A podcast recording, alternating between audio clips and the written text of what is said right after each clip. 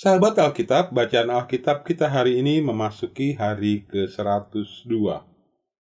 Bacaan pertama terambil dari Galatia pasal 5 ayat 1 sampai dengan ayatnya yang ke-15. Supaya kita sungguh-sungguh merdeka, Kristus telah memerdekakan kita. Karena itu berdirilah teguh, dan jangan mau lagi dikenakan kuk perhambaan Sesungguhnya aku, Paulus, berkata kepadamu, jikalau kamu menyunatkan dirimu, Kristus sama sekali tidak akan berguna bagimu. Sekali lagi aku katakan kepada setiap orang yang menyunatkan dirinya, bahwa ia wajib melakukan seluruh hukum Taurat. Kamu lepas dari Kristus, Jikalau kamu mengharapkan kebenaran oleh hukum Taurat, kamu hidup di luar kasih karunia. Sebab oleh roh dan karena iman, kita menantikan kebenaran yang kita harapkan. Sebab bagi orang-orang yang ada di dalam Kristus Yesus, hal bersunat atau tidak bersunat tidak mempunyai sesuatu arti hanya iman yang bekerja oleh kasih. Dahulu kamu berlomba dengan baik. Siapakah yang menghalang-halangi kamu? Sehingga kamu tidak menuruti kebenaran lagi. Ajakan untuk tidak menurutinya lagi bukan datang dari dia yang memanggil kamu. Sedikit lagi sudah mengkamirkan seluruh adonan dalam Tuhan.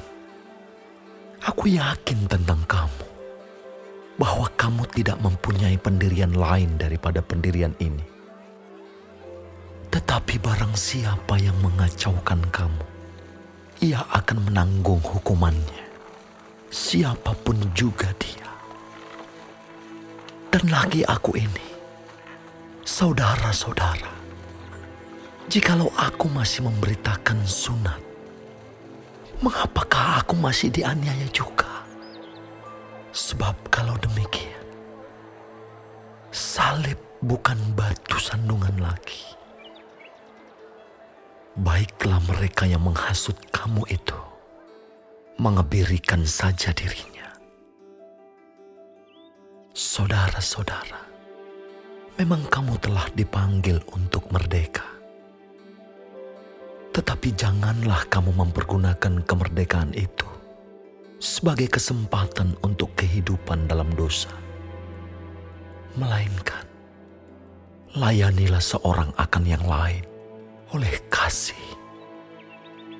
Sebab seluruh hukum Taurat tercakup dalam satu firman ini, yaitu kasihilah sesamamu manusia seperti dirimu sendiri.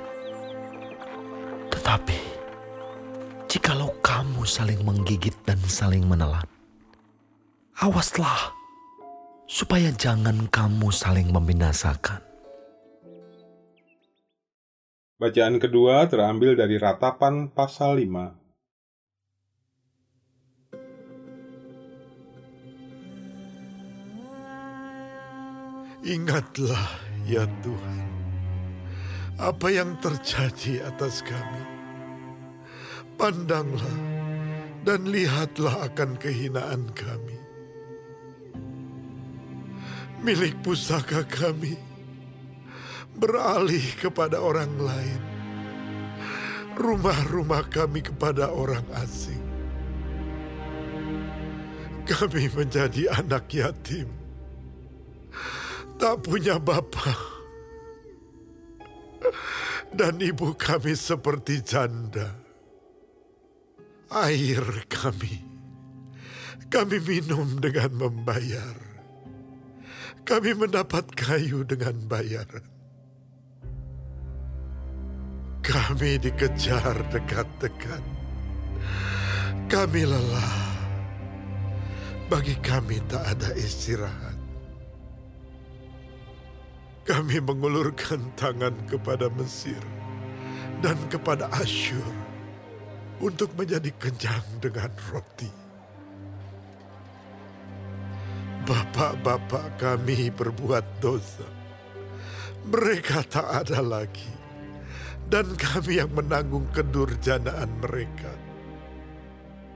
Pelayan-pelayan memerintah atas kami.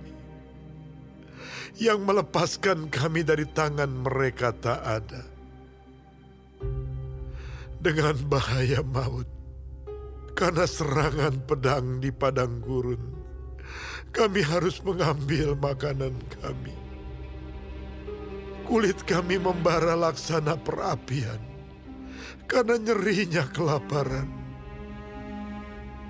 Mereka memperkosa wanita-wanita di Sion dan gadis-gadis di kota-kota Yehuda. Pemimpin-pemimpin digantung oleh tangan mereka. Para tua-tua tidak dihormati. Pemuda-pemuda harus memikul batu kilangan Anak-anak terjatuh karena beratnya pikulan kayu. Para tua-tua tidak berkumpul lagi di pintu gerbang. Para teruna berhenti main kecapi. Lenyaplah kegirangan hati kami. Tari-tarian kami berubah menjadi perkabungan mahkota telah jatuh dari kepala kami. Wahai kami, karena kami telah berbuat dosa. Karena inilah hati kami sakit. Karena inilah mata kami jadi kabur. Karena bukit Sion yang tandus di mana anjing-anjing hutan berkeliaran. Engkau ya Tuhan, bertakhta selama-lamanya. Takhtamu tetap dari masa ke masa. Mengapa engkau melupakan kami selama-lamanya? meninggalkan kami demikian lama. Bawalah kami kembali kepadamu ya Tuhan. Maka kami akan kembali. Baharuilah hari-hari kami seperti dahulu kala. Atau apa engkau sudah membuang kami sama sekali? Sangat murka engkau terhadap kami.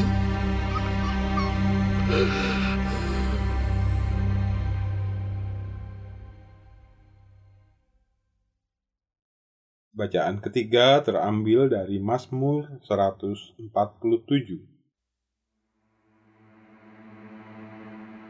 Haleluya. Sungguh bermasmur bagi Allah kita itu baik, bahkan indah, dan layaklah memuji-muji itu. Tuhan membangun Yerusalem. Ia mengumpulkan orang-orang Israel yang tercerai berai. Ia menyembuhkan orang-orang yang patah hati dan membalut luka-luka mereka. Ia menentukan jumlah bintang-bintang dan menyebut nama-nama semuanya. Besarlah Tuhan kita dan berlimpah kekuatan kebijaksanaannya tak terhingga. Tuhan menegakkan kembali orang-orang yang tertindas. Tetapi merendahkan orang-orang fasik sampai ke bumi. Bernyanyilah bagi Tuhan dengan syukur. Bermasmurlah bagi Allah kita dengan kecapi. Dia yang menutupi langit dengan awan-awan. Yang menyediakan hujan bagi bumi. Yang membuat gunung-gunung menumbuhkan rumput. Dia yang memberi makanan kepada hewan, kepada anak-anak burung gagak yang memanggil-manggil. Ia tidak suka kepada kegagahan kuda. Ia tidak senang kepada kaki laki-laki.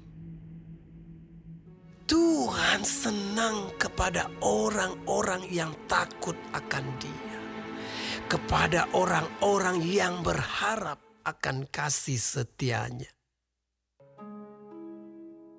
Megahkanlah Tuhan, hai Yerusalem. Pujilah Allahmu, hai Sion. Sebab ia meneguhkan palang pintu gerbangmu dan memberkati anak-anakmu di antaramu. Ia memberikan kesejahteraan kepada daerahmu dan mengenyangkan engkau dengan gandum yang terbaik.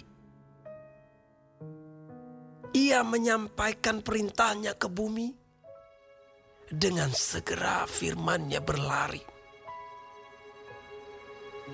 Ia menurunkan salju seperti bulu domba dan menghamburkan embun beku seperti abu.